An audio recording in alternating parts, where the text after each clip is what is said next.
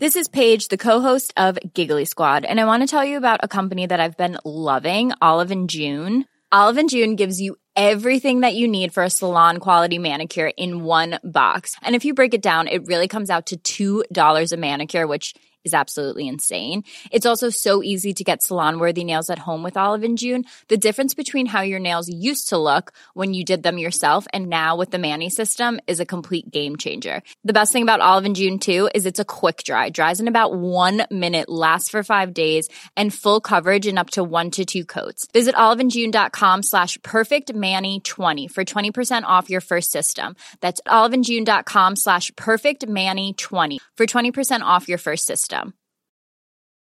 Ryan Reynolds here from Mint Mobile. With the price of just about everything going up during inflation, we thought we'd bring our prices down. So to help us, we brought in a reverse auctioneer, which is apparently a thing. Mint Mobile unlimited premium wireless. Ready to get 30, 30, bit to get 30, bit to get 20, 20, 20, bit to get 20, 20, bit to get 15, 15, 15, 15 just 15 bucks a month. So, Give it a try at mintmobile.com slash switch. $45 upfront for three months plus taxes and fees. Promo rate for new customers for limited time. Unlimited more than 40 gigabytes per month. Slows. Full terms at mintmobile.com.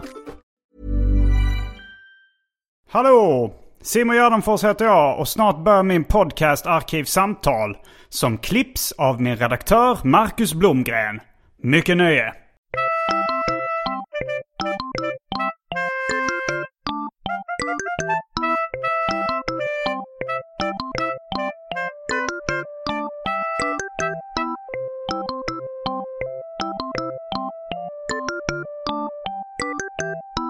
Hej och välkomna till Arkivsamtal. Jag heter Simon Gärdenfors och mitt emot mig sitter lyssnarfavoriten Adam Svanell. Hallå, hallå. Välkommen hit. Tack. Du är eh, en skrivande man Mm. Ja, jo. i olika sammanhang. Eh, böcker, eh, tidningar. Du nämner det. Du skriver det. Ja, så är det. Det. Och du jobbar på Svenskan. Ja. Svenska Dagbladet som det också kallas ibland. Mm. Eh, och det är lite det vi ska prata om idag faktiskt. Eller ett jobb du har gjort för Svenskan. Precis. Som jag har lyssnat på. Ja, Medicinmannen. precis. En podd som jag eh, njöt av att lyssna på. Det var ju ett tag sedan nu den kom. Det kom i somras, precis. Men vi har inte gjort något avsnitt sedan Nej, dess. vi har inte gjort det. Och eh, det är nästan konstigt att vi inte eh, pratade om den. För att eh, jag, jag skrev till dig och frågade vad har du skrivit om på sista tiden. Mm. Och sen föreslog det, ja men ja, det har vi faktiskt inte pratat om. Men det finns eh, mycket att säga om den. Mm, det gör det verkligen. Mm. Eh, men innan vi kastar oss in på det här ämnet så ska vi kasta oss in på det omåttligt populära inslaget Välj drycken.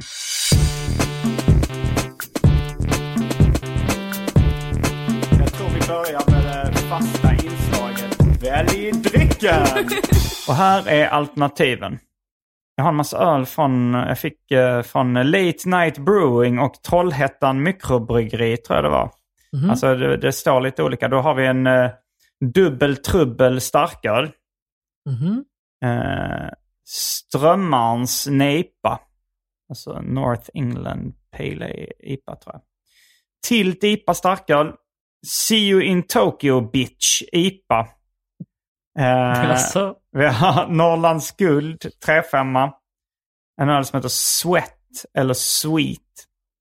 Eh, 5,0. Gissar att det är en veteöl. Det finns Nicka Whisky, två sorters japansk whisky. Eh, bourbon, Hennessy, Grand Marnier, Dry Martini, Vodka, Rom, Hawaii Gay Club.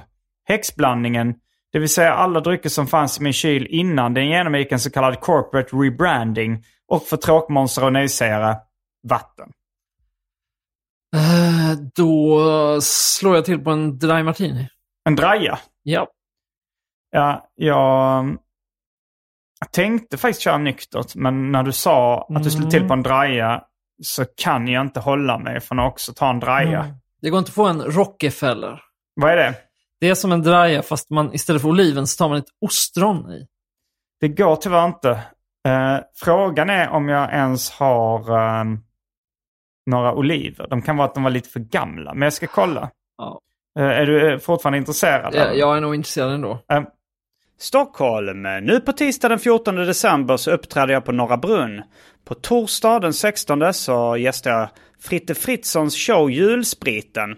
Och på lördag den 18 gästar jag Janne Goes Rogan i Stockholm. Livepodd och stand-up och ja, man vet inte vad det blir när det kommer till Janne Westerlund. Men köp biljetter redan nu. De brukar ta slut ganska snabbt. Och alla mina gig hittar ni på gardenforce.com. Då eh, är vi strax tillbaka med dryckerna kända från det omåttligt populära inslaget Välj drycken. Häng med!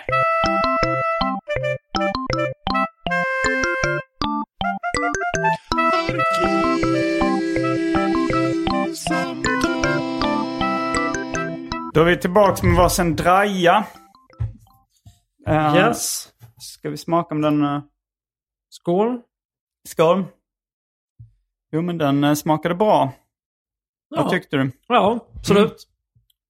Det var ju inte Rockefeller va, men... eh, Vad var nu? Ja, man har haft ostron i. Har du någonsin testat en Rockefeller? ja, eh, en gång. Då, på, på gondolen hade de det. Ja just det. Men Ja. den finns inte längre va? Gondolen? Nej, men jag tror att det ska öppna igen när de är klara med Slussen. Ja. Om jag har förstått det rätt. Det, den är ju det är schysst gondolen. Jag ja, tror jag har jag varit med gillar dig det. någon gång. Ja, jag tycker att det är härligt. Det är väldigt härligt. Jag gillar ju lyxiga ställen som inte är alltså, så lite, alltså, bedagad lyx. Mm, mm. Och sen så är det mycket turister där också. Det tycker jag är lite kul. För att det, är så här, det känns lite lyxigt och så, så schysst. Men samtidigt så är det mycket så här eh, Ann-Katrin och, och Roffe från, från Tidaholm som ska Mm. så här, se Stockholm. Och så, de där. Så, ja, det... Men nu när eh, gondolen inte är aktiv, vilka är dina favoritcocktailbarer i Stockholm för tillfället? Ja, jag. Jag skulle säga att jag har eh, tre stycken uh, cocktailbarer. Mhm. Alltså som man ändå kan räkna som cocktailbar. Det är Ja. dels uh, ja, men, himmeln högst upp i skrapan i Lö. Mhm. Eh, alltså i skatteskrapan. Sen Ja. har vi apropos. Vid, Ja, det är ju schysst. ja, det ligger vid Sankt Eriksplan och det är en sån eh, lite eh, retro kan man väl säga att den är. Alltså den, den ska, den ska Ja, det kännas känns som som, lite... ett ställe som man skulle gå på när man är på semester i någon annan europeisk huvudstad. Mm. Typ så här, det är inrett med så gamla... Ja, men lite förbudstiden-känsla. Ja, ja, men precis. Mm. Och sen... eh, Sammetsfåtöljer och sånt om jag minns rätt. Ja, men det, det är lite old school. Alltså så, eh, innan, kanske 1800-tal till och med. Jag vet inte. Mm. Nej, 50-tal. Men Ja. eh, sen gillar jag också Tiki Room. Också vid Sankt Eriksplan. Ja, jo, det är kul. Mm. jag vet inte, är det... Sist jag var där så fick jag ändå lite känsla av det här är kanske... Ja, jag vet inte. Det var lite B ändå på något sätt tyckte jag. Men eh, Mm. jag kan inte riktigt verbalisera vad det var, men det var någon känsla av... Ja, jag vet inte riktigt. Det är Eh, ett kul ställe i alla fall. Ja. Det, och ni som inte känner till Tiki-bar-fenomenet, googla det. Eh, det. Det är ju kitsch, kitschigt liksom. Mm. Kitschigt, eller vad säger man på skånska? Kitschigt. Kitschigt. Ja. Eh, Men eh, det var inte det vi skulle jag har prata inte om varit idag. på så jättemånga andra tiki-barer, måste jag erkänna. Nej. Räk- Thai-båten och så räknas inte som en tiki-bar. nej, det skulle jag nog inte säga. Nej. Det finns eh, inte så många i Sverige. Eh, jag har varit på några utomlands.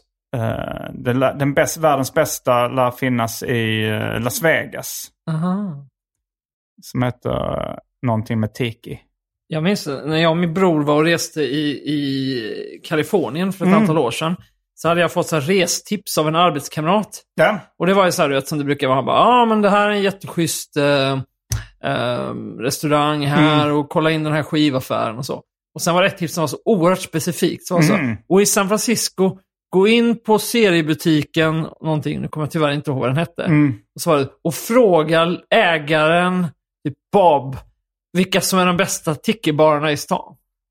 Okej. Uh, Swahili Bob heter han. Nej, han hette nog inte Bob. Nej. Det som dök upp i huvudet var att han hette Larry, men jag tänker det är förmodligen fel. Jag tänker förmodligen bara på Larry's Larry Corner. Liksom. Um, Men, men eh, vi var där, men det var liksom inte uppenbart vem som var ägaren och, och då fegade vi ur och Mm. vågade, vågade inte liksom fråga om några tiki-barer. ja, men det, är, fan, det kanske finns i San Francisco. Ja, Ska, jag är lite sugen på att åka till Kalifornien i vinter.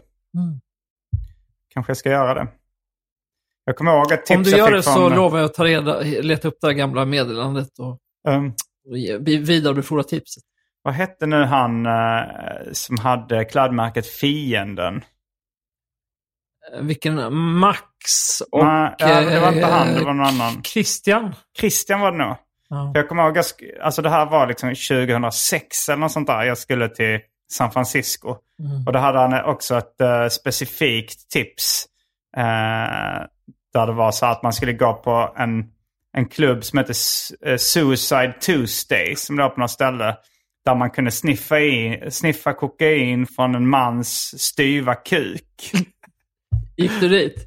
Alltså grejen var att jag planerade att gå dit men jag blev extremt magsjuk från min Mexikoresa. Så, så jag, jag, bara den där tisdagen det var så Ah. låg jag och spydde hela dagen. Ah, ja. Men det lät ju lite spännande. Ja, om det var sant. Ja. Jag minns det förekommer i Rod Stewarts självbiografi också. Jaha. Så är det ja. någonting att de, så här, de spelar och så har de under någon turné och de som är mest liksom, är nere i riktigt så drogmissbruk så Mm. måste de springa av under spelningen och dra en lina liksom, Mm. för att liksom, vara igång under, under spelningen. Och då är det någon gång när de springer av så är det han som då är ansvarig för det, eller om det är någon roddare eller någon bandmedlem, som så har lagt upp det på sin kuk. Så, så att det ska vara som. Ja, ett men kul det, det, prank. det kanske spridit sig lite Ja. liksom. Att de ville vara så dekadenta på den klubben att, eh, att de hade det som en grej. Att- Jag, jag vet inte riktigt hur. Det, det var väl säkert lite under disk. De kunde väl inte marknadsföra det officiellt. Att jag tror det stod på en sån griffeltavla. jag, vet, jag vet inte riktigt hur det skulle gå till om jag gick dit ensam och sen bara liksom bör, bör- börjar man fråga runt lite. Så här, This uh, sniffing coke from erected penis I heard about. ja, var- making small talk. Ja. Ja. Ja. Ja, men det där med sådana specifika tips, ja, det där var ju ändå... Annars känns det ofta som att de nästan handlar mest om att personen i fråga ska liksom glänsa lite med något väldigt specifikt Mm, tips. mm. Men jag gillar specifika tips. Alltså här, gå till den och den restaurangen och beställ den här rätten från menyn. Just det. Och kanske till och med om man, man, om man har någonting som är så här, ja men om man säger på Bun Meat Bun i Stockholm så off menu så kan du beställa en cheese då, där det, där det är så här, tre sorters ost och extra mycket. Att de har, att det, det är ju ett så specifikt tips att Just det. uh, sådana saker. Ja, Jag har faktiskt i och för sig också ett sånt tips som jag brukar ge när jag tänker efter, som är folk som åker till, till New York och vill ha tips, brukar tipsa om den här tanten i Harlem som har jazzkonserter hemma i lägenheten. Mm, det har jag missat. Jag kommer inte ihåg vad det heter, så det, man, men jag misstänker att man kan hitta det om man bara googlar på det. Mm. Om hon ens lever, för nu är det ju säkert fem år sedan jag var där. Men, Mm. men det är så en, en kvinna som har haft, hållit i liksom sen, ja men du vet, i, i många årtionden, en gång i veckan, en konsert hemma i vardagsrummet så med olika Mm. Ja, jazzmusiker. det låter ju som ett jättebra öppet tips. för vem som helst. Mm. Så, Jag um, var i New York med Anton Magnusson och Albin Olsson. Och då, bara, ja, men då var vi runt i stan och satte oss på en, eh, en, rätt, en rätt dålig bar liksom. Som heter Pig and the Whistle. Eh, som jag förstått i efterhand att det är en, liksom, något av en kedja. Det finns faktiskt i Stockholm till och med. ja, det låter bekant. Det, eh, ja, och jag tror det finns... I filmen Chinatown så, så nämner de Pig and the Whistle också. Mm-hmm. Men, eh, men det är nog i LA då.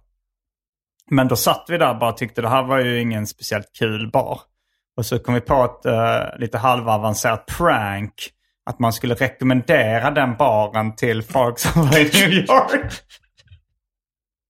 Så, eh, för det var, för det, det, det, det är så subtilt skämt liksom. Att, men så var det då Antons dåvarande arbetskollegor. De skulle till New York några månader senare. Och då så sa han, frågade om han hade några tips. Ja, ni måste dra till Pig and the Whistle. Gjorde de det? ja. Och det, och det var så här, det är, inte så, det är inte uppenbart ett skämt heller. För det, det är bara så här en ganska vanlig, inte så bra bar. Liksom. Kul, det här är lite ett uttryck för, eller hur, hur, hur reagerade de? Jag tror de blev, eh, de var så här, mm, de var så här, jaha, ja den var inte så eh, speciell den baren. Får jag fråga, så här, tyckte ni den var nice? så, här, ja den var väl okej men kanske inte något speciellt. Det är kul. Det här är ju faktiskt li- ytterligare ett sånt där exempel på något där vi har gjort något som är ganska likt Ja. För att en gång när jag, för många år sedan, jag och min brorsa och min kompis Linkan var på en resa i Spanien. Ja. Så var det också just så att vi började skriva på, alltså vi tipsade aldrig om person, men vi började skriva massa material eh, som vi skulle, hade planerat att vi skulle publicera som en blogg när vi kom Mm. hem. Så skulle det vara just eh, en sån blogg som hette Mitt Spanien. av eh, Kent, Kent Ove Blom, tror jag han skulle heta. Han som, en fiktiv han, karaktär, Ja, en fiktiv eller? person från typ eh, Trollhättan eller något. Och så Ja. var det en sån text som började med att, att han beskrev så, eh, ja, min, eh, hur han träffade en, en kvinna från Spanien i, när han var på språkresa i, sin, i tonåren Mm. och de blev liksom kära. Och, och så ska jag vara typ så, jag och Juanita har gått eh, skilda vägar sedan dess, men min kärlek till Spanien, den har bestått. och så var det olika tips då, och, och då var det just också en av de sämsta ställena vi hade, råkat hamna på under resan. Liksom. Så det var långa, långa texter om varje. Så, och, ja.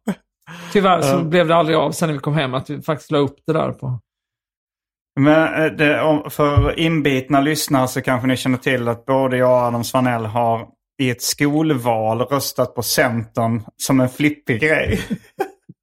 Det, någon, det var väl samma skämt vi hade gjort. Undrar om det, Ja, sen, som- nej, undrar om det fanns mest- ännu fler grejer som vi oberoende av varandra har. Nej, det, är möjligt, det är det här med Gärdenfors syndrom och Ja, just det. Svanellsjukan. Just ja. det. Men ja, Mm, men eh, då kanske vi ska eh, svänga in på veckans huvudämne. Medicinmannen. Vill Mm. du berätta en liten, för, för de som sitter som fågelholkar där hemma med öppen mun och inte förstår vad vi pratar om. Vill du ge en kort introduktion till hela fenomenet och vad vi pratar om? Ja, alltså Medicinmannen är en podd som vi, eh, jag har gjort ihop med några andra. Framförallt då en kille som heter Lars Berge som är själva berättaren i podden. Liksom. Jag är producent och har klippt och så, så det är mest honom man hör. Mm. Men det är en, liksom en dokum dokumentär. Mm. Fast eh, i eh, egentligen över fyra timmar då radio, för det, eller podd. Liksom det är Ja. eh, fem delar och avsnitten är mellan 40 och 60 minuter. Mm. Och det berättar en story om en eh, man som dök upp i Sverige 1991. Mm. Och han eh, sa så att han var en eh, medicinman från det nordamerikanska Mi'kmaq-folket. Mm. Eh, och att han hade blivit, liksom, att hans folk hade blivit förföljda och de hade vägrat skriva på fredsavtal med, med liksom kanadensiska staten och leva i reservat. Och därför hade de blivit förföljda eh, världen över. Och han hade då liksom flytt då med sin, sina följare, sin stam, till Europa. Och nu letade han någonstans där han ville bygga upp ett samhälle. Och då var det liksom en, en framför, från början då en, en man som, eh, nu berättar, det blir inte så kort det här men det spelar ingen roll. Nej, nej, det- det får vara hur långt du eh, vill. Men då var det en man från Sollefteå som träffade honom på en eh, raw food-restaurang här i Stockholm då 1991. Som blev helt såld på den här idén och han bara sa, men jag vet ju, känner ju folk som äger mark ute i skogen eh, utanför Sollefteå. Så vi kan göra det där. Och så började de bygga upp då ett eh, samhälle ute i skogen, en liksom lägerby. Där de skulle då leva på ett eh, Hur urs... mycket folk hade han med sig liksom, som inte var från Sverige då? Alltså det, Den här det killen inte- som, den det- här det- eh, det är lite- medicinmannen då som kallades för man kanske oftast. Man kallas han precis. Mm. Uh, alltså lite svårt att ta över. Jag tror från början hade han inte så jättemånga, men det var en, han hade en del följare som var ute på en vandring också genom Europa. Så Mm. de kom liksom senare. Men säg att det var kanske fem, ett 50-tal personer. Och sen så... Mm. Ett bör- 50-tal personer? Ja. Det var så många? alltså. Ja. Okej. Och sen så började då... Men som jag uppfattade det så var det inte så många av dem som såg ut som liksom ursprungsamerikaner. Nej, utan det här är ju någonting som man... Eh, som började visa sig då att många av de här personerna, för att inte säga alla, eh, som var med i den här stammen, de hade ju blivit värvade på samma sätt som folk började bli i Sverige då. De kommer ju från andra länder, fransmän och belgare och lite allt möjligt liksom. Men man såg mer eller mindre ut som en ursprungsamerikan. Alltså jag tror det hade det varit i... eh, Nu blir det lite av en spoiler här, Ja, men hela samtalet kommer bli nog- av en spoiler. Ja, Jag det tror kommer att- det bli. Så ni så att- som ja. eh, hellre vill först lyssna på... Pausa podden, Mm. lyssna fyra timmar på... Hur hittar man den? eh? Ja, det är bara att söka i Medicinmannen ja. ja den heter det. Den, podd, den, den, som helst. Den blev väldigt poppis så den kommer nog högt upp i app stores. Mm. Men, ja, men pausa på den, lyssna på fyra timmar Medicinmannen. Sen så kan ni få höra eftersnacket om Ja, inte eller spoilers. Mm. Exakt, the backstory. Ja.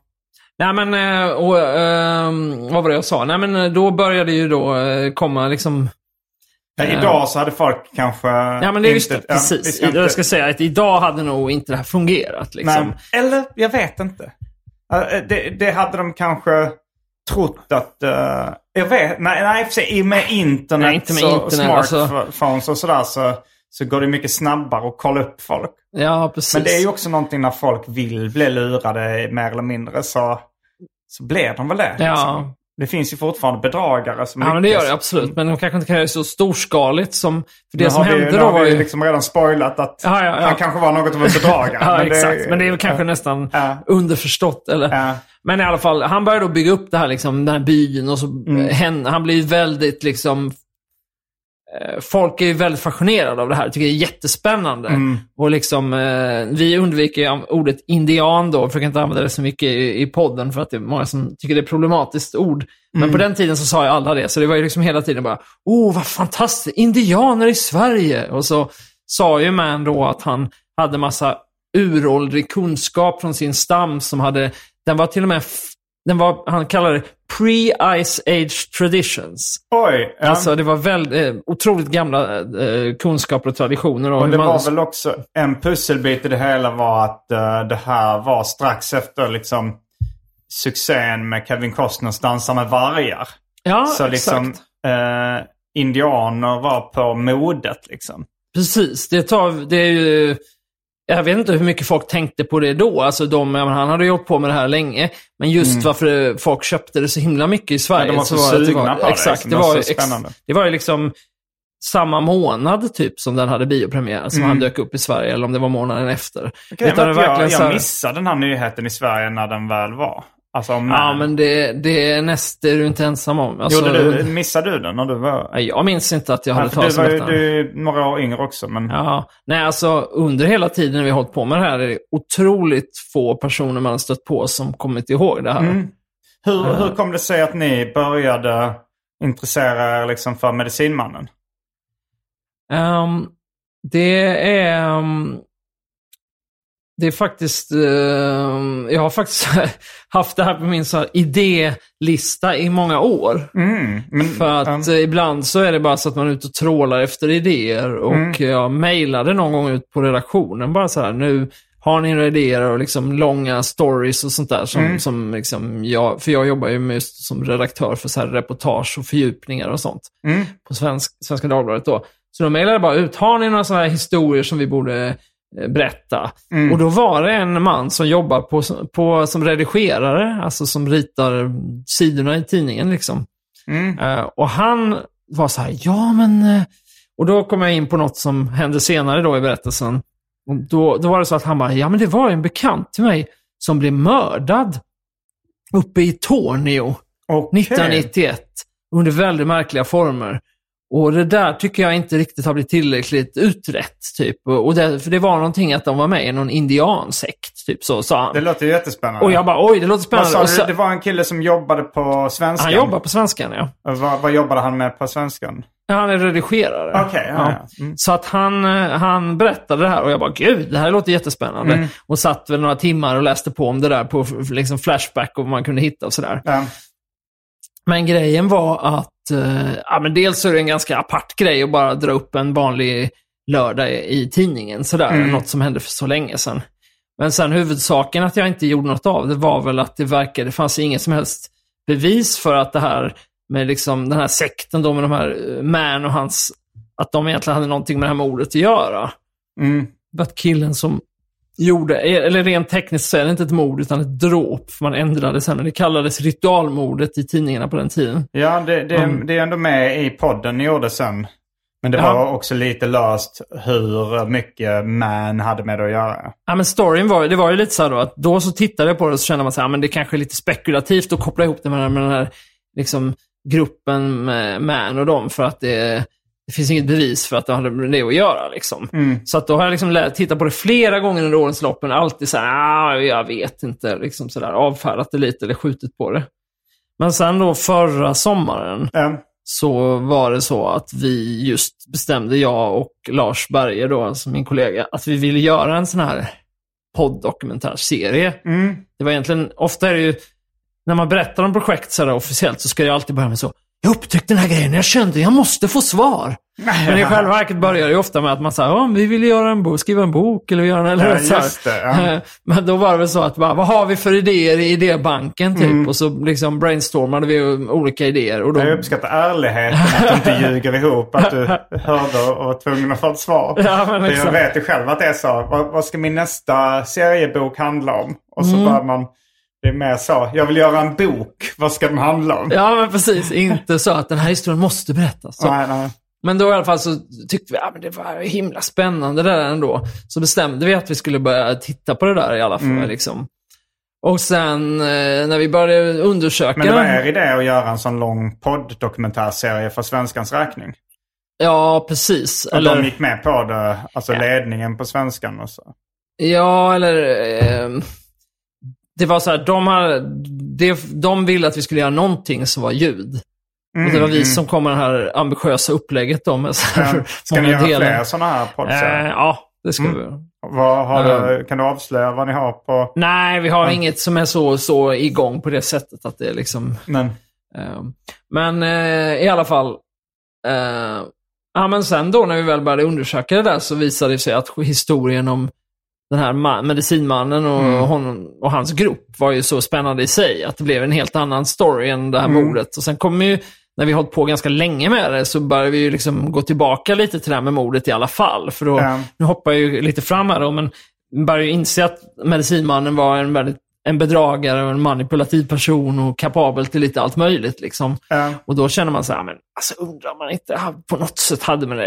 Är det inte bara en slump att någon begår ett brutalt ritualliknande knivdåd precis när han varit med i den här gruppen? nej. Det kan ju också vara att lite galningar söker sig till eh, andra galningar och sektliknande sammanhang. Och att det var Jo. det som kopplade ihop dem. Jo, men precis. Det är ju då... Det som händer till slut är ju då att vi försöker ju prata med alla möjliga människor om det här med det här fallet. Mm. Och eh, får ju inte, blir inte mycket klokare. Men, men då är det ju så att han som dömdes för det här, Mm. han eh, har ju kommit ut för länge sedan. Mm. Och lever ett eh, liksom, liv. Han har ju liksom bytt namn och sådär och bor någon helt annanstans. Så han är ju liksom inte... Jag tror folk runt honom vet inte att han har gjort det här. tror Det är liksom. svårt att hitta honom. Ehm, jag, vill, tror inte, jag vill inte gå in för mycket på det faktiskt. För det är lite Okej. sådär, nej men det är när man gör sånt där som journalist så vill man inte uppmuntra folk att själva sitta och uh, ring, jaga upp den här personen eller något. Så här. Men i alla fall, ehm, ehm, då så till slut så var det så här, men vi hittar, det här verkar vara han. Mm. Och vi har hans telefonnummer. Så då ringde Lars honom. Mm. Och då berättade han i sin version för första gången. Liksom. Mm. Och då hävdar ju han att, att han faktiskt var ju liksom eh, eh, indoktrinerad kan man säga av medicinmannen. Att den här kill, eh, killen han dödade var besatt av en ond ande. Mm. Sådär, Mm. Och att det var det han skulle liksom driva ut. Mm. Men precis som du säger så hade, hade han ju haft liksom, psykiska problem tidigare. Ja. Och hade typ varit inlagd. Liksom, eh, och sen så var det så att han trodde inte typ på den vanliga psykiatrin, utan han sökte sig då till den här gruppen och den här eh, medicinmannen för att han ville att han med sin liksom, schamanska läkekonst skulle kunna läka honom från hans psykiska problem. Mm. Så att han hade ju liksom redan i grunden då liksom en problematik redan innan. För det visade ju sig att, ehm, att den här medicinmannen då hade varit runt i stora delar av världen och gjort liknande grejer. Men undrar då, fanns det någon annan podd som hade gjort som honom innan ni gjorde det? Det är en rätt Eh, spännande story. Eh, Inte någon podd, men eh, skillnaden är väl i och för sig... Vad ska man säga? Den, den är ju, man kan fråga vad som är vad, men det finns en, en finsk radiodokumentär om det. Mm, mm. Fast den är ju, om jag På får... finska? Ja, på finska. Och om jag får säga det då, bara, jag har ju försökt lyssna lite på den. Jag har typ Mm. lyssnat på den fast jag inte förstår något. Bara för att hitta om det var något intressant ljud man kunde använda liksom, Aha, som illustration. Och så här, lyssna, liksom. Du har inte fått en Snabblyssnat översatt igenom. Jo, jo, det har jag också. Mm. Fast då blir det bara mer in... Alltså, vi har haft en reporter som kan finska som har Mm. lyssnat igenom hela och skrivit ner allt. Men, ja. men, men eh, den är inte alls så ambitiös. Utan det är Nej. mer så här att de har fått en av de mm, huvudpersonerna att själv sitta ner och berätta sin historia. Typ. Ja, några som... Alltså skulle... Jag kan inte definitionen av sekter. Ja, Men eh, jag gissar att du har eh, läst på lite om det. Skulle, är det. skulle det definieras som en sekt, det som medicinmannen höll i? absolut. Mm. Tveklös sekt. ja, alltså jag vet Solklart faktiskt inte heller exakt vad som är definitionen, men det skulle jag Ja. definitivt säga. Det säger till och med många av de som var med. Att de Mm. efterhand förstod så här, oj det är en sekt. Liksom. Eh, Och det var ju också många så här, ja om jag ska dra lite då, så var det så, han, han egentligen då visade sig efter ett tag här, så är han ju från, han är från Kanada. mm. Men han är ju inte någon, eh, han har ju inget, kommer inte från det här Mi'kmaq-folket, utan han är uppvuxen liksom som vanlig katolsk arbetarklass typ. Mm. Eh, och han kom i kontakt med det här Mi'kmaq-folket för att han var med i scouterna. Ja, Så att han liksom åkte till något sånt reservat typ för att eh, under sin period som scoutledare. Mm. Och så blev han liksom hooked, tyckte det här var spännande och började tillbringa massa tid i det där, i det där lägret. Mm. Och så var han liksom en sån eh, liksom lögnare och lite eh, sådär mm, bedragartyp redan som ung. Liksom, Mm. Hade sådana drag. Och sen så var det någon händelse när han var student i, i Quebec där han blev eh, eh, anklagad för att vara i samröre med något som heter FLQ som var en sorts liksom, vänstergerilla typ. Någonting. Mm. Och då så flydde han landet och flyttade till Frankrike. Mm. Och där då på 70-talet... Var han i franska delen av Kanada? Kunde han franska? Ja, han är ju f- eh, franska är hans modersmål. Okej. Mm. Ja. Så då, så, och det var där han då började utge sig för att vara eh, en mickmack-medicinman. Mm. Och började då bygga upp sitt första... Och han klädde sig då i liksom... Han hade liksom... ehm, eh, nu tappar jag ordet. Vad säger man? Fjäderskrud. Mm. Han svart hår. Ja, från början. Fast det var ju typ grått då vid det här laget. När han kom till. Sverige var han ju 60, över 60 år. Mm. Så att jag menar, han, det, men han var ju, han liksom klädde sig så då i liksom tunika och fjäderskrud och liksom smycken med, eh, med pärlor och sånt där liksom. Mm. Och så, så hävdade han då liksom att han kom från ett, eh, ett sånt, eh, från Mi'kmaq-folket då. Och sen under, det här är ju en jättelång historia med massa konstiga turer som vi inte går in på i podden för det blir alldeles för långrandigt. Men han håller ju på hela 80 och 90-talet i Frankrike först och sen i Belgien och sådär med olika konstiga projekt och verksamheter. Och han, han liksom startar någon Mm. Men det är organisation. alltid under liksom Han utger sig alltid indianflagg. Exakt, han utger sig alltid då för att vara den här liksom medicinmannen och hövdingen. Mm. Men han har olika projekt. Han har något som heter typ så eh, Världsuniversitetet för fred eller något sånt kallar han det. Mm. Och det, och det lyckas han eh, inleda ett samarbete med den här organisationen som tror jag är för, om det är nu, nu kanske jag minns detta fel, men jag tror det är organisationen för sådana här vä- världs världs, här vänstäder kanske. Eller det är i alla fall någon sån FN-kopplad organisation Mm, som mm. han lyckas eh, inleda ett samarbete med. Och så ljuger han då att han, att han, han att eh, Gandhi har varit eh, aktiv i den här organisationen han har och även Martin Luther King. Mhm. Och vid något tillfälle kan han till och med påstå att det var därför King blev mördad, för sitt arbete i hans eh, organisation. Alltså det finns så mycket sådana här. att- Och sen finns det ju då, alltså, det, det, eller det som händer då, om jag berättar ur ett svenskt perspektiv, är ju att det är en kvinna som, som eh, är journalist också, och, men även jobbat inom politik, som heter Elisabeth Rydell Jansson. Mm. Hon jobbar då vid det här tillfället för Miljöpartiet Mm. i riksdagen. Och då är det så att han kommer dit och ska ha ett möte med några riksdagsledamöter från, från eh, Miljöpartiet för att han vill eller just det, då är inte han med förresten, utan, eh, men det är några från den här stammen då. De ska liksom be om, de vill ha mark och bidrag och så för att kunna bygga upp sin liksom, lägerby i Sverige och så. Det är rätt roligt, Ja. att, för det måste ju synas på dem att de inte är ursprungsamerikaner. Och att de bara hakat på på vägen, men att de ska ha sina rättigheter. Liksom. Men det är väl det som är liksom, ja, för det är det som är hennes poäng då, när hon, Mm. hon sitter med där. Hon bara, för hon har ju då visat, av en slump så har hon jobbat många år i USA. Mm. Och jobbat i sådana reservat med riktiga ursprungsbefolkningar. Eh, Så hon ser ju liksom på de här att de ser inte alls ut att komma från ett ursprungsfolk. Och, och de, det är kul när hon säger att deras, det ser ut som att de har köpt kläderna på indiska. Så då så börjar hon liksom inleda som en egen mission lite sådär. Att hon eh, försöker ta reda på mer om honom. Liksom. Eh, och då så bland annat så skriver hon ett brev till en av, av de liksom riktiga hövdingarna inom Mi'kmaq-folket. Ja. Och då svarar han ju typ, de här människorna, de är bedragare, de har inget med oss att göra. Och Mm. så. Men, och då så liksom eh, nystas det upp lite då att han, vad som har hänt innan Sverige. Och då är det Mm. just det här att eh, eh, att eh, han har ju då eh, hållit på i, i eh, Kanada och Frankrike. Och då har ju, eller jag vill säga Belgien och Frankrike. Och då har det till och med skrivits, det skrivits jättemycket artiklar i tidningarna om honom liksom genom åren Mm. i de här länderna. Eh, han är liksom en känd person där. Eh, och eh, i Belgien då så har det ju till och med skrivits en bok om honom. Oj, ja. Och läste du den boken? Nej, fast vi hade vi också en reporter som gjorde då, vår Mm. korrespondent i Bryssel. Hon lyckades hitta den på något bibliotek och Mm, gick och mm. läste den liksom. Ehm,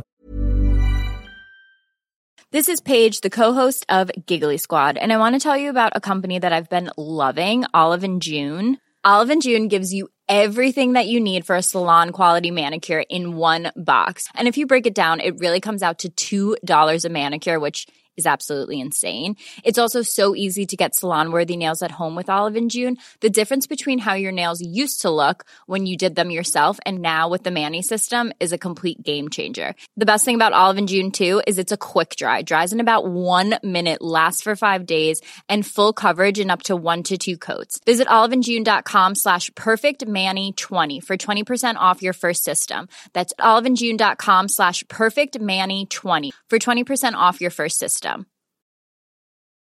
Hey, I'm Ryan Reynolds. At Mint Mobile, we like to do the opposite of what Big Wireless does. They charge you a lot, we charge you a little. So naturally, when they announced they'd be raising their prices due to inflation, we decided to deflate our prices due to not hating you. That's right. We're cutting the price of Mint Unlimited from $30 a month to just $15 a month. Give it a try at mintmobile.com slash switch. $45 upfront for three months plus taxes and fees. Promo rate for new customers for limited time. Unlimited more than 40 gigabytes per month. Slows. Full terms at mintmobile.com. Mom deserves the best, and there's no better place to shop for Mother's Day than Whole Foods Market. They're your destination for unbeatable savings, from premium gifts to show-stopping flowers and irresistible desserts. Start by saving 33% with Prime on all body care and candles. Then get a 15-stem bunch of tulips for just $9.99 each with Prime. Round out Mom's menu with festive rosé, irresistible berry chantilly cake, and more special treats. Come celebrate Mother's Day at Whole Foods Market. Den är ju på franska också. Ja. Men, ehm, men eh, i, i de- här liksom, i den här boken och så, det är liksom alla möjliga konstiga liksom, teorier om vad han har gjort. Och, som liksom vi inte fortfarande riktigt vet vad som är sant. och så. Men då är det bland annat att han ska ha liksom varit inblandad i massa vapenhandel med PLO och, och Ja. att han ska liksom jobbat för olika säkerhetstjänster. Var det och... inte att han var CIA-agent också? Påstod det själv? Eller att Han var... påstår själv väldigt ofta att han var jagad av CIA. Att de Mm. ville döda honom typ för att han fortsatte kämpa för sitt folks rätt till mark Ja. och så. Eh, så att när det typ liksom, så fort det hände något så- eller så polisen kom till lägret utanför Sollefteå, då sa han ja men det, de, svensk polis jobbar ihop med CIA och de vill få se mig död och så. Mm. Jag fick fram att han hamnade i fängelse vid något tillfälle och att, att det var någonting om att han hade samarbetat med polisen. Att, att de sa att, att eh, nu, nu, bara, det nu var det ett halvår sedan jag lyssnade på det Ja. här, men att, men att det var något sånt. De, de, att det var i viss mån kunde belägga de uppgifterna att han hade samarbetat med någon form av eh, polis eller underrättelsetjänst eller någonting. Ja, men alltså, det, det var ju då det här som jag pratade om i Quebec, när han flydde därifrån. Eh, Då, tro, då, vet, då var, vet man inte om det var så att han antingen var med i det här FLQ som en... Eh, att han var liksom själv då en sån här eh, gerillarevolutionär. Eller att han då eh, infiltrerade dem för... Det finns såna, funnits teorier då att det var därför han, typ, därför han kunde fly undan och så och liksom kom, un, eh, kom undan. För att han från egentligen, egentligen Ja. var typ, nej men då hamnade han inte i fängelse, Mm. men att han egentligen var liksom mer som en spion då åt säkerhetstjänsten. Mm. Men sen har det varit massa olika teorier då genom åren att han Mm. har jobbat för alla möjliga säkerhetstjänster. Ja. Men det är ju sånt som är oerhört svårt att värdera så här Mm. långt eh, efteråt och med andra... Ja, jag, jag, tyck- ljög så mycket själv också. ja, han var ju en bedragare, precis, han ljög ju hela tiden. Så det är Mm. väldigt svårt att värdera så vad är, vad är faktiskt sant. Man undrar om och- han var liksom Ja. en psykopat eller vad hans drivkrafter var egentligen. För det kändes som att han... Eh, det var lite oklart vad han var ute efter. Eh, Ja, precis. Men han var väl... Det, eh, alltså, det var, han- alltså sex var väl eh, en grej han verkade vara ute efter. Han verkade vara rätt så här gränslös eh, sexuellt. Att han, han hade väl sex med eh, ja, men, vuxna eh, män och vuxna kvinnor och då barn också. Enligt eh, vissa rykten. Ja, eh, precis. Alltså, det är ju någon som säger det, att de har hört det och så. Men det, det man vet är väl att han hade sex med, med män och med unga pojkar. Liksom. Mm. Alltså kanske så att, ja. Man vet Tolv- inte om han har sex med kvinnor. Nej, det är, alltså det är någon som säger det de har hört. Eh, Han hade sex med alla typ. Men, men Mm. utifrån de vittnesmål han har hört så är det egentligen, förekommer det egentligen inte att han har haft sex med kvinnor, vad vi vet. Men det Nej. kanske han också hade. Men, men eh, framförallt är det just där att han anklagas ju för att ha liksom begått övergrepp mot minderåriga pojkar. Um, så att det kan Han ju... blev aldrig så- dömd för någon. För han, han har ju suttit i fängelse Ja, men det är ju väldigt lite- många gånger. nu blir det väldigt snårigt där för det, men Mm. det är precis de som hävdar då att han måste ha varit jobbat för någon säkerhetstjänst. Ja. De hänvisar ju ofta till det här just att han kommit undan så mycket. Rättvisan har, all, han Mm. har liksom... En enda gång har han suttit i fängelse mig veterligen och det var i Belgien. Okej, men han Och då- själv ser det första ljudklippet ni spelar upp från honom så här. I've been in, jail uh, 17 times. Ja, ja, precis. 19 times säger Ja. han. Ja, men det har vi inte sett något, något stöd för. Nej, vi okej. känner bara till en gång han har suttit. Konstig grej att ljuga om. alltså när man vill skapa ett förtroende för människor så ljuger man då om att man varit i fängelse Ja. 19 gånger. Eller vad. Nej, jag vet inte vad han syftar på. Det kanske är några häktningar eller någonting. Jag vet inte vad det är. Men Mm. vi känner ju bara till en gång. Okej, och det var i... Och det var i Belgien. Men då var det också så. Ja, men då var det också sådär att, att han fängslades eh, för att han var någon pågående utredning eh, Vilket brott? av, eh, för ekonomisk brottslighet. Liksom. Okej. ja. Ehm, i, liksom i väntan på åtal. Men Mm. då på något sätt så, så eh, fick han, eh, var det en i regeringen, justitieministern typ, som ingrep efter några månader och sa så nej men ni kan inte hålla honom inlåst längre utan ett åtal. Ni Mm. måste släppa honom. Ja. Eh, och det är också så, var, varför då? Varför händer det? Det förstår man inte. Så det är liksom ett, skulle kunna vara ett möjligt argument för att han på något sätt hade mäktiga vänner eller på Mm. något sätt var skyddad av någon. Men det är ju bara spekulationer. Mm. Och sen så har han ju då flera gånger eh, liksom utretts då för, för eh, sådana här sexualbrott också då. Men då har han liksom flytt till något annat land eller när det har liksom, innan han har hunnit gripas. det var någon intervju med honom där han får frågan på om han har begått sexuella övergrepp mot barn. Och han svarar något väldigt kryptiskt så. Maybe I have, maybe not. Ja, han säger precis. Eh, precis, hon säger many young men said that you sexually approached them. Eh, och "M- maybe so. If you say so. Eh, och då säger hon you did, or, eh, hur är det nu? Ja, you did or you didn't. Och han I did or I didn't. så det, är väldigt, så, vill han liksom... det är väldigt ovanligt att någon inte förnekar Ja, ja, ja, sexuella övergrepp. Ja, utan bara, men "Ah, alltså, det känns som en Ja. väldigt konstig mellanväg då. Att, att så, antingen förneka det eller erkänna det. Men det, det, han vill hålla det lite öppet. Det är inte så att han vinner någonting på det heller egentligen. Nej, det är väldigt konstigt. Ja. Ja. Men var det någon i Sverige som anklagade honom för sexuella övergrepp? Nej, nej, utan det hör ju till... eh, det var ju ganska få... eh, alltså det är just unga pojkar som han har sagts uh, ha utsatt. Mm. Och av de personer vi har hittat och intervjuat så är det ju faktiskt ingen, inga unga pojkar. Utan de barn som, som vi har träffat, eh, så, de var ju, det är ju unga tjejer då. Eller, liksom, men annars var det ju mest vuxna. Och, Men det var ju någon väldigt obehagligt inslag med det här döda barnet. Kan du dra Ja. den storyn? Där var det väl också något sånt att, ja men någon incident i en tält där de hörde ett skrik och sådär. Ja, man vet precis. inte exakt vad som hände där. Exakt. Nej, det jag har man ingen aning om det hade några sexuella inslag eller inte. Men, ja, men det var ju, det, det är ju sig, en väldigt konstig grej av det här är ju då att det var ju, fanns ju barn också i det här, som bodde i den här lägerbyn då. Um, Och de eh, gick ju inte i skolan eller någonting liksom. Mm. Utan de levde ju där och de barnen bodde själva i ett eget tält. Som, vo- och det var en idé om att barn skulle inte, man skulle inte vara en kärnfamilj liksom med mamma pappa och barn eller vad eller ja, man skulle inte liksom ha föräldrar så, utan man skulle ha, varje barn skulle ha eh, 24 föräldrar. 24? Ja, 12 kvinnor och 12 män som tillsammans ansvarar för varje barns eh, fostran. Så. Mm. Eh, och då så var det ju, fanns det ju barn som hade bott hela sitt liv i den här stammen. Mm. Så att eh, det är ju en tjej som, är- som är intervjuad i serien som eh, hon beskriver då när hon var typ sex år gammal och de åkte bil genom Sverige. Mm. Så såg hon liksom en tv innanför ett hus. Mm. Och då förstod hon inte vad det var. Nej. Hon visste inte vad en tv var. Vad, vilket land kom hon från från början? Eh, Ja, det beror på vad man menar, för hon är ju liksom Normal? för nomad. Liksom. Hennes mamma var från Danmark och hennes pappa tror jag var fransman. Okej, vad pratade Ja. hon engelska med liksom, journalistteamet, i, alltså er svenska? Ja, då? vi, precis. Hon pratade engelska, eller först danska, men sen gick vi över till engelska. För Okej, att ja. det blev...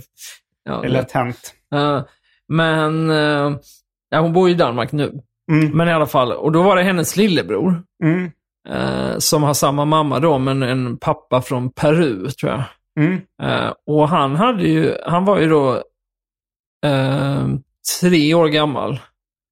Och han hade ju då, han var ju liksom lämnad kvar i stammen. Mm. Alltså hans föräldrar hade lämnat båda två. Eh, och lämnat kvar honom där. eh, taskigt kan man tycka. Ja, ganska speciellt med ett så litet barn. Liksom, Mm, mm. att, eh, så det var ju liksom, eh, han var ju, hade ju egentligen bara sin stora syster då. Mm. Eh, Och 24 föräldrar. och de 24 föräldrarna då. Eh, och han eh, blev eh, sjuk helt enkelt eh, i lägret. Vad var väl oklart, men han liksom låg och kved mycket och såg sjuklig ut och sådär. Mm. Men eh, en av Mans grejer då, han var ju medicinman. Ja. Och u- påstår sig då ha de här uråldriga kunskaperna om läkekonst och sånt. Pre-Ice Age knowledge. Precis. Mm. Eh, så han, eh, han eh, sa ju då att man inte fick, eh, man fick inte ta någon som blev sjuk till läkare. För att på sjukhusen blir man bara förgiftad. Men det är väl någon slags brott han begår då om han liksom undanhåll, eller liksom att inte, att undanhålla vård på något sätt. Jag vet Jo, inte. men jag tror det. Alltså, vi hade faktiskt, det var en grej som vi strök ur podden för att det är svårt att påstå någonting om man inte har utrett det så. Men, Mm. men vi tänkte att det borde ju kunna räknas som vållande till annans död eller så. Mm. Att inte, att vägra någon. Ja, jag vet Jag inte tänker riktigt. på någon men- av säsongerna av Bron. Där Mm. det är också någon dansk syrra som har dött för att eh, hon blev förvägrad vård. Ja, ja. Du kanske inte har sett, nu spoilar jag även Nej, inte den säsongen i alla fall. Mm. Eh, ja. Nej, men så då uh, mår ju den här pojken sämre och sämre. Och då så säger då Man att, det att han eh, är besatt av en ond ande eller något. Att det är därför han är sjuk. Och då ska han liksom göra en ritual där han ska driva ut det här ur det här lilla barnet. Och det vill man inte riktigt veta hur den Nej, ritualen nej, är till. precis. Och då är det så att han går in i tältet ensam, ett tält ensam med den här Mm. pojken. Och så hör man ett skrik där fy inifrån. Och, sen, och då vet man ju inte vad det var som hände där inne. Nej. Och sen eh, är det väl kanske en månad senare då så dör pojken. Eh, Och det utreddes det här av polis överhuvudtaget? Alltså det är det som är det konstiga att ehm, Och liksom, vad hände med liket och... ja, så alltså, det finns ju, vi har ju eh, sett obduktionsprotokollet och sådär. Mm. Eh, Men det är ju för att mamman hade kvar det då. Ehm, men Så hon, mamman, hade inte hon stuckit? jo, men hon blev ju, fick ju, kom ju tillbaka då från Okej. Danmark när hennes barn hade dött. Och så Okej, blev, hon, hon bara åkte till Danmark då och så var de Ja. i, i Sverige då? eller Ja, var de ja, i då var de i Finland? Finland. För Finland, att, det har ja. jag nog inte berättat, men efter ett tag när de fick, började få problem i Sverige. Mm. Från början var det ju så här att alla var så, åh det här är fantastiskt. Och det gjordes massa tidningsartiklar och radioinslag om Mm. spännande med den här byn och allting. Men sen så började de få mer och mer problem och polisen var där och det var liksom ungdomar som hängde i lägret som inte som var minderåriga och det, liksom, socialen var orolig och sånt. Mm. Och, mer och, mer. och då så flyttade de vidare in i Finland. Liksom, Mm. Där de fick, kunde börja om igen med liksom, eh, mer aningslösa... Där inledde de till och med ett samarbete med två univers- universitet om att det här var liksom en studie i hur man skulle, liksom forskningsstudie i mänsklig överlevnad som Mm. de hade här i lägret. Och det överlevnad, de höll på att svälta ihjäl lite Ja, där ja, också. precis. Och det var, det var rätt roligt att de hittade så här, eh, där Man, han, han själv bodde i en, han var en av de få som bodde liksom under ett riktigt hus och de hittade liksom kycklingben och att han hade, Pommes frites. och så. alltså, han hade ätit, han, var, han påstod sig vara Han sa att han knappt åt alls, Ja. fast han, och, när, och han var vegan. Ja. Och sen i, i när liksom rengjorde den här sommarstugan så var det så liksom köttslamsor och pommes som låg kvar. Ja, nästan Ja. komisk, ondskefull karaktär. sätt. Ja, det är ganska- tragikomiskt kanske man ska lägga Ja. Till. Ja, nej, men för att besvara din fråga så, så har vi faktiskt inte liksom riktigt rätt, lyckats rätta ut det där. Vi har inte liksom hittat någon, det är också i Finland, vi har liksom inte Mm. hittat så, någon polis som var med på den tiden som kan uttala sig. Det går inte att liksom Men, begära fram någon gammal utredning. Så, så, men man vet ju att polisen var där och förhörde vissa personer. ja, Men eh, jag antar att de la ner det eller att de inte kunde styrka brott. Liksom. okej. ja. Eh, mm, nej men det var ju... Det var, det var nog det mörkaste partiet det här med. Ja, eh, men uh, vad... Lever han idag? Man? nej, han dog 2015. Okej. Eh, Så vitt man vet. Om jag minns rätt att det var 2015. Eh, Så vitt man vet. Ja, men det är ju en, en detalj också som är, är väldigt märklig med det här är ju att han flydde då när han var, han skulle ju liksom, han utreddes ju då för sexuella övergrepp i Kanada senare när han hade tagit sig dit, tillbaka dit. Men mot barn då? Ja. Mm. Och då så försvann han igen. Mm.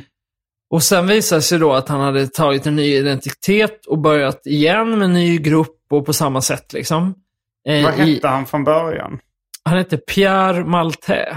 Mm. Men han har ju otroligt många olika namn. Det finns ju också med i podden, vi har någon som räknar upp alla. Han är liksom, eh, han heter ju också Norman William och William Norman och eh, eh, Apioino Man och eh, vad var eh, det? Gloskap eh, och eh, han hade otroligt många olika namn. Liksom. Så sen började han om på slutet och då kallade han sig... Ja, nu har jag glömt vad det var han kallade sig på slutet. Eh, Det här Apiolno Man, eller vad var, Aha. det? vad var Apiolno? Ja, det vet jag faktiskt inte, men det var ju mycket- så att han bara höll på med någon slags låtsas, eh, låtsasnamn och låtsasspråk. Alltså, det var ju de här tälten också som, som de bor i. Mm. Kallar de för guammar. Mm. Och det, det var ganska långt in i arbetet som jag förstod att det var liksom ett påhittat ord. Jag trodde, ja det heter väl så då. Och sen någon gång googlade jag det bara för att se hur. Ja, men precis. Och då Mm. googlade jag det bara för att se hur, hur stavas guam. Insåg att det finns inga träffar på det. Det är liksom påhitt. Det var han som hittade på det också. Liksom. Allting var ju så. Och byn eh, som de hade här i Sverige, den hette ju... Eh, eh, gud, nu glömmer jag vad den var också. Uh, vänta. K... Alltså, ja, alla fall, skitsamma. det var liksom hela tiden de här påhittade... Mm. På, påhittade Kogo Gwyn hette byn. Eh, Så Mm. det var liksom bara så här massa bara trä, liksom, rena påhitt allting. Mm. Ehm, ja, Ja, det var väldigt, eh, eh, väldigt bra podd. Även om man har hört det så kan jag rekommendera att höra den. För det, var, det, det är nästan som att det är så här, varför har ingen gjort det här, några större reportage om det här innan? Det verkar ändå vara eh, ja, men en, En väldigt spännande true crime-berättelse. Ja, ja, nej men alltså grejen är att den är ju inte... eh, Det är ju det, är det som är så ovanligt för att eh, när man håller på med sånt här som journalist så man hittar här en spännande grej så är det alltid så att det är tio andra journalister som är på samma grej eller, vet, eller har varit och liksom så här. Mm. Men just den här historien känns liksom helt Mm.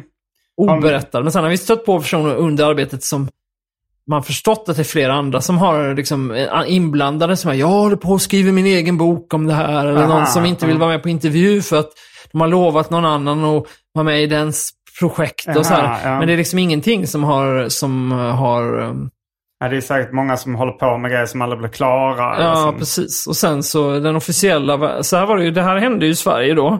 Mm. Och så var det en del rapport, alltså alla liksom, stora tidningarna och så, eller inte alla, men många av de stora medierna gjorde ju inslag om det här och skrev om det och så. På den tiden, på 90-talet då. Ja. Mm.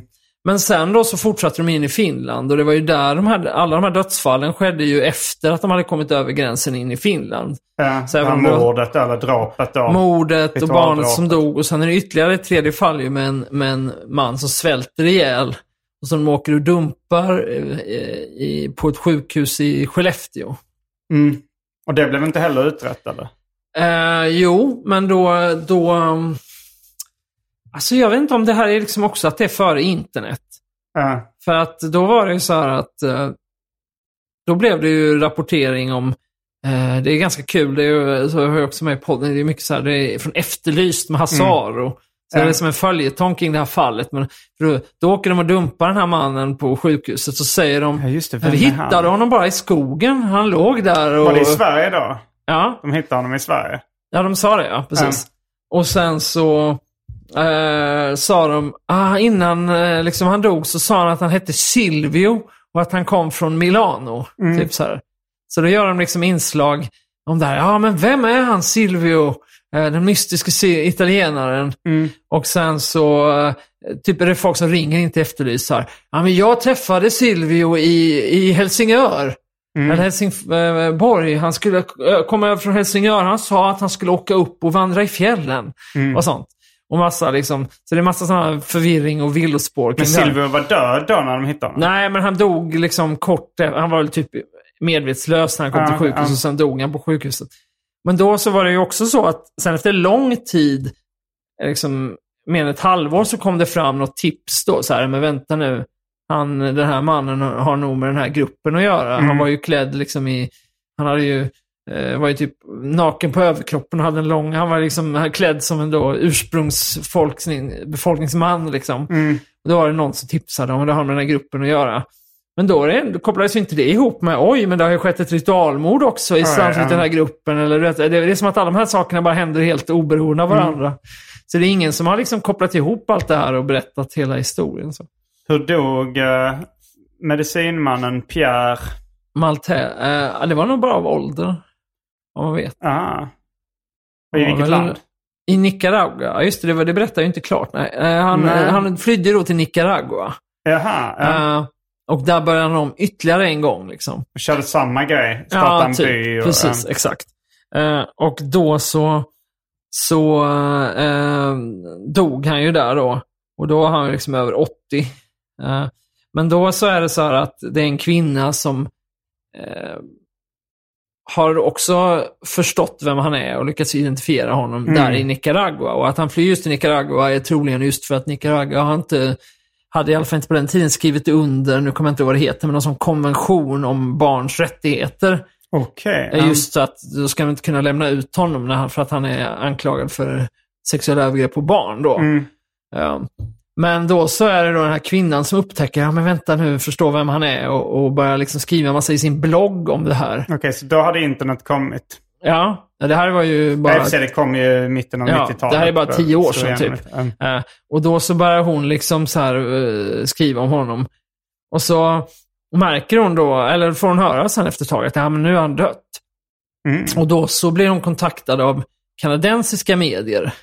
För att i Kanada är han ju lite känd då efter han har liksom varit anklagad för olika grejer. Så där har det gjorts program om honom alltså, som typ säger typ så här, Uppdrag granskning, Kalla fakta-ish. Har du sett några sådana kanadensiska Ja, det finns faktiskt något, ett på, eller två sådana på YouTube tror jag. Mm, och det kan typ jag, det är så lite sugen på att se bara för jag ju bara hört poddarna så jag har, ju knappt någon bild av hur han såg ut och så. Ja. Det är intressant att se hur han klädde sig och såg ut. Och, Ja, nej men absolut. Mm. Jag tror att man bara googlar på typ Pierre Maltais eller... mm, vad kallades han? Inte The Medicine Man? Ja, det är det som är så svårt eftersom han har så mycket olika namn. mm. Så att jag tror att man får googla på antingen Pierre Maltais Eller det faktiskt... Maltaise eller? Ja, inget E på slutet bara. Maltais. Mm. Eller på... Jag tror i den här mer Uppdrag granskning, kan då kallas han för Norman William. För det var Mm. namnet han gick under då. Mm. Men, eh, men då är det i alla fall de som har gjort det programmet då, när de hör att ah, men nu ska han vara död, då vill de liksom kontrollera det. Mm. Så då ber de den här kvinnan, Debbie, som hon heter, Mm. eh, att gå och hämta ut dödsattesten Mm. för att eh, liksom ha säkert att det är sant att han är död. Och då så i samband med det så, precis innan hon, hon hinner komma dit, så brinner den här byggnaden ner. Oj, där dödsattesten för, attesten förvaras. Låter som slutet på en film där de uh, bäddar lite inför en uppföljare. Ja, exakt, exakt. Så att eh, hade det varit fiktion hade man känt att, det var in, att han Ja. inte var död. Men i, han var ju ganska gammal, så Mm. i, i verkligheten finns det inget som talar för att han skulle leva. Men man vet inte helt säkert. Eh, men jag ska åka till um, Kap Verde om några dagar. Mm. I Afrika med min flickvän. Du nämnde någonting om att uh, medicinmannen åkte till Kap Verde också. Precis. Det hade jag, är det med i podden? För Det är med i sista ihåg. avsnittet. Jo, det är så här att när, när de har blivit utkastade ur Finland också då till slut. Mm.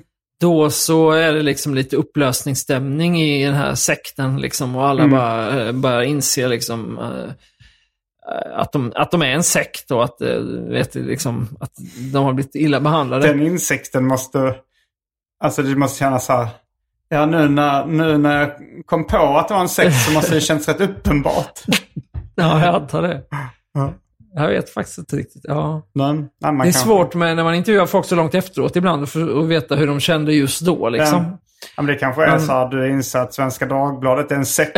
Ja, nu när jag precis. säger det var det så uppenbart. Men, Ehm, ja, men då så, då så är medicinmannen... eh, då, så- då åker resten av gruppen ner till Italien. Där Mm. de hänger ett tag. alla utom Man.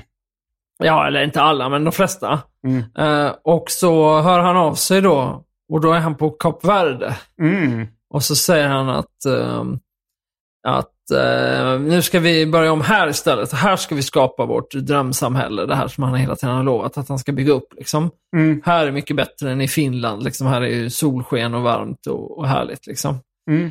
Ehm, men eh, då så, då till slut har de liksom slutat eh, helt enkelt och de litar inte på honom längre helt enkelt. Nej. Och, och då är det en kvinna som vi intervjuar som var liksom lite av hans chaufför och högra hand.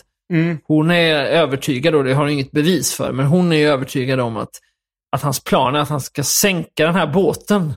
Som Och att de ska åka en båt, han ska döda alla. Ja, han har chartrat en, en gammal, eh, liksom riktigt rutten gammal färja, eller något fartyg. Okej, liksom. Och då var hon ändå, jobbade för honom samtidigt. Ja, men hon hade ju liksom, det var hon som skjutsade den här mannen till sjukhuset och så. Hon har Okej, liksom börjat f- se allt skumt Var det en har svensk kvinna? Ja, Mm. precis. Så hon har liksom börjat se allt skumt och börjat känna att nej, men hon, eh, hon litar inte på honom längre. Och så, Nej. och så känner, får hon känslan av att han bara vill bli av med alla. Och liksom. Mm. Så hon tror att planen är att han ska sänka båten. Okej, med sig själv i. Nej, han själv är ju redan på Kap Ja, Verde. just det. Så är det. Mm. Eh, men eh, de det slutar med att de kliver aldrig på båten utan de upplöser gruppen och var och en åker hem till sitt. Liksom. Det kanske var tur. Ja, kanske. Mm. Mm. Ja, men det... Är det något mer um, vi har missat att prata om? I, Ja, det är det säkert, men uh, vi, vad, eh, vad, har du själv några, vad tänkte du själv när du lyssnade? Liksom, har du några egna funderingar? eh, alltså man, man vill ju bara veta mer och mer hela tiden. Det var ju spännande. Och eh, nu var det ett halvår sedan så att jag... jag, eh, jag tror att man, det var nog, den var ju väldigt välgjord så man fick ju svar på alltså så här, de sakerna som ni inte visste sa ni ju att det, det vet vi inte. Det, var inte. det lämnades inte så mycket öppna trådar där man liksom... Men, men jag blev väldigt nyfiken på det. Och eh, det var intressant också att det var ändå vissa som hade... Det var någon kvinna som blev intervjuad som sa sådär... Eh, ja men han var en bedragare va? Alltså Ja. hon hade inte... Hon, hon verkade haft det lite på känn liksom, men inte hade... Men, men hade inte liksom gjort någonting åt det då eller vad var. Ja, alltså hon är ju en av de intressantaste personerna. Birgitta heter hon.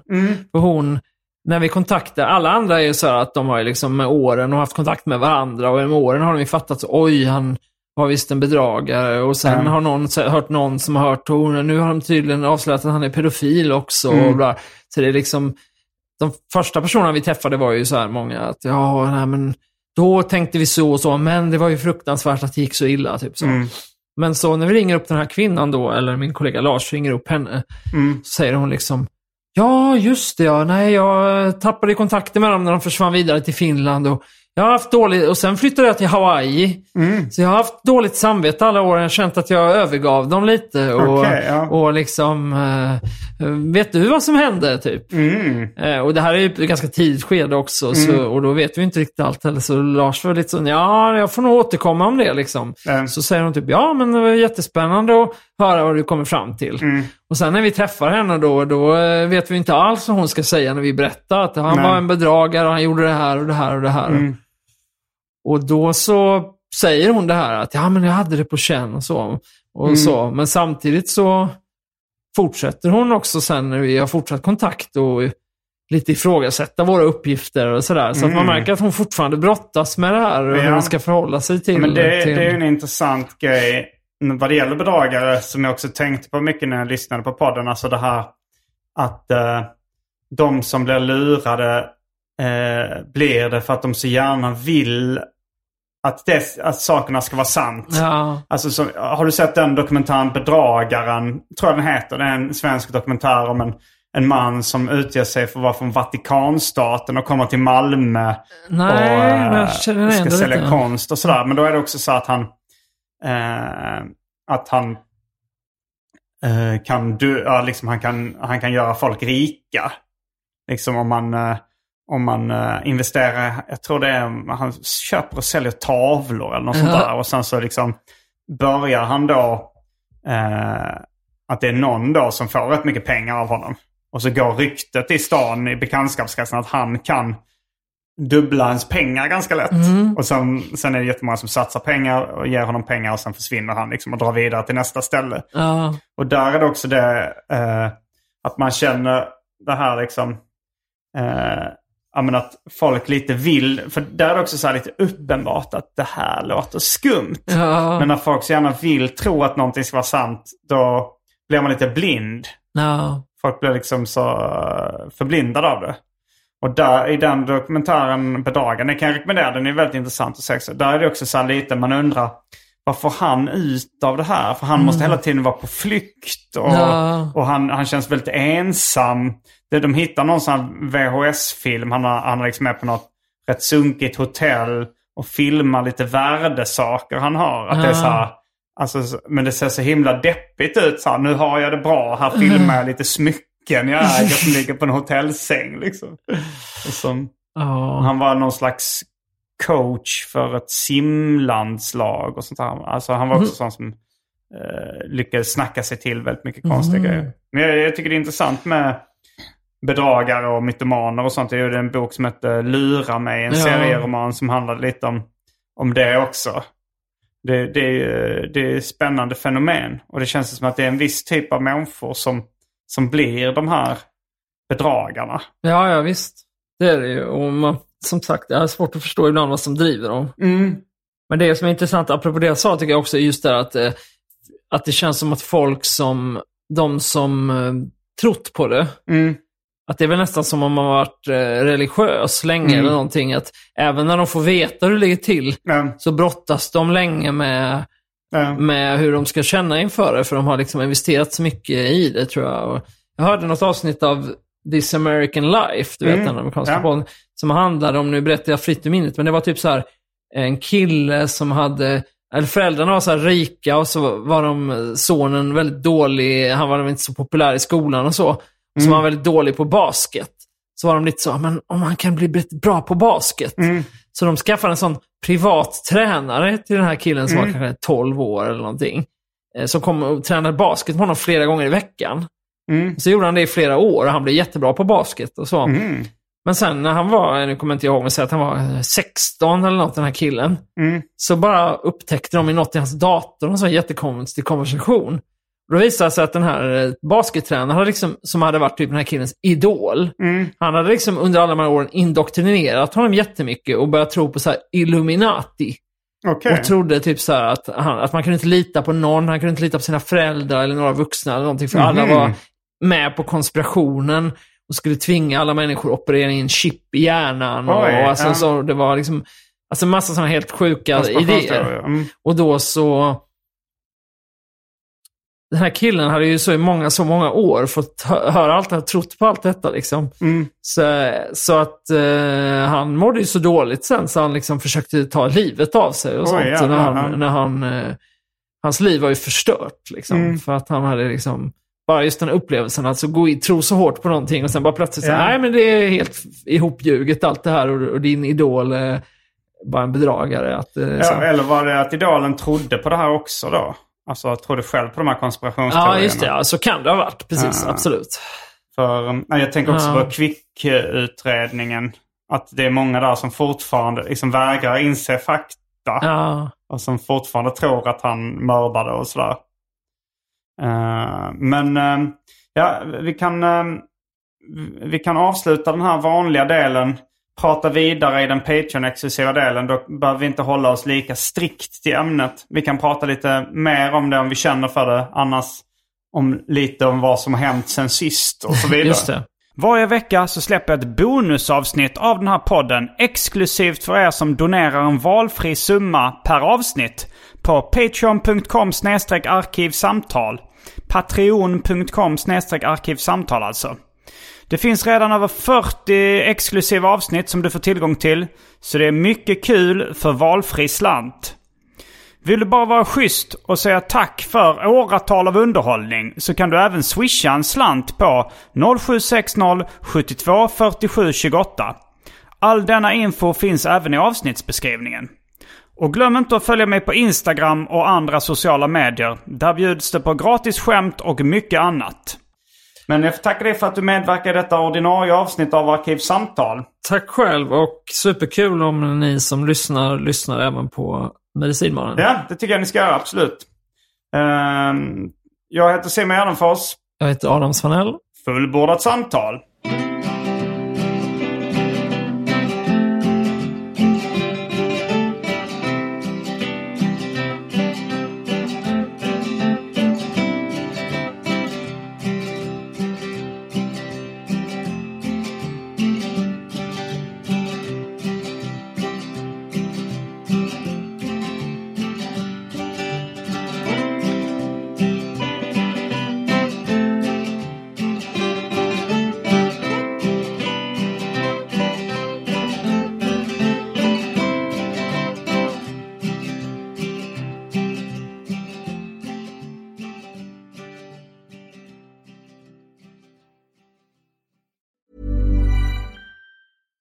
Deserves the best, and there's no better place to shop for Mother's Day than Whole Foods Market. They're your destination for unbeatable savings, from premium gifts to show-stopping flowers and irresistible desserts. Start by saving 33% with Prime on all body care and candles. Then get a 15-stem bunch of tulips for just $9.99 each with Prime. Round out Mom's menu with festive rosé, irresistible berry chantilly cake, and more special treats. Come celebrate Mother's Day at Whole Foods Market. Planning for your next trip?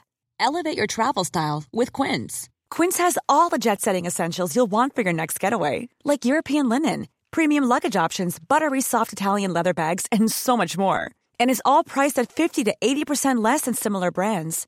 Plus, Quince only works with factories that use safe and ethical manufacturing practices.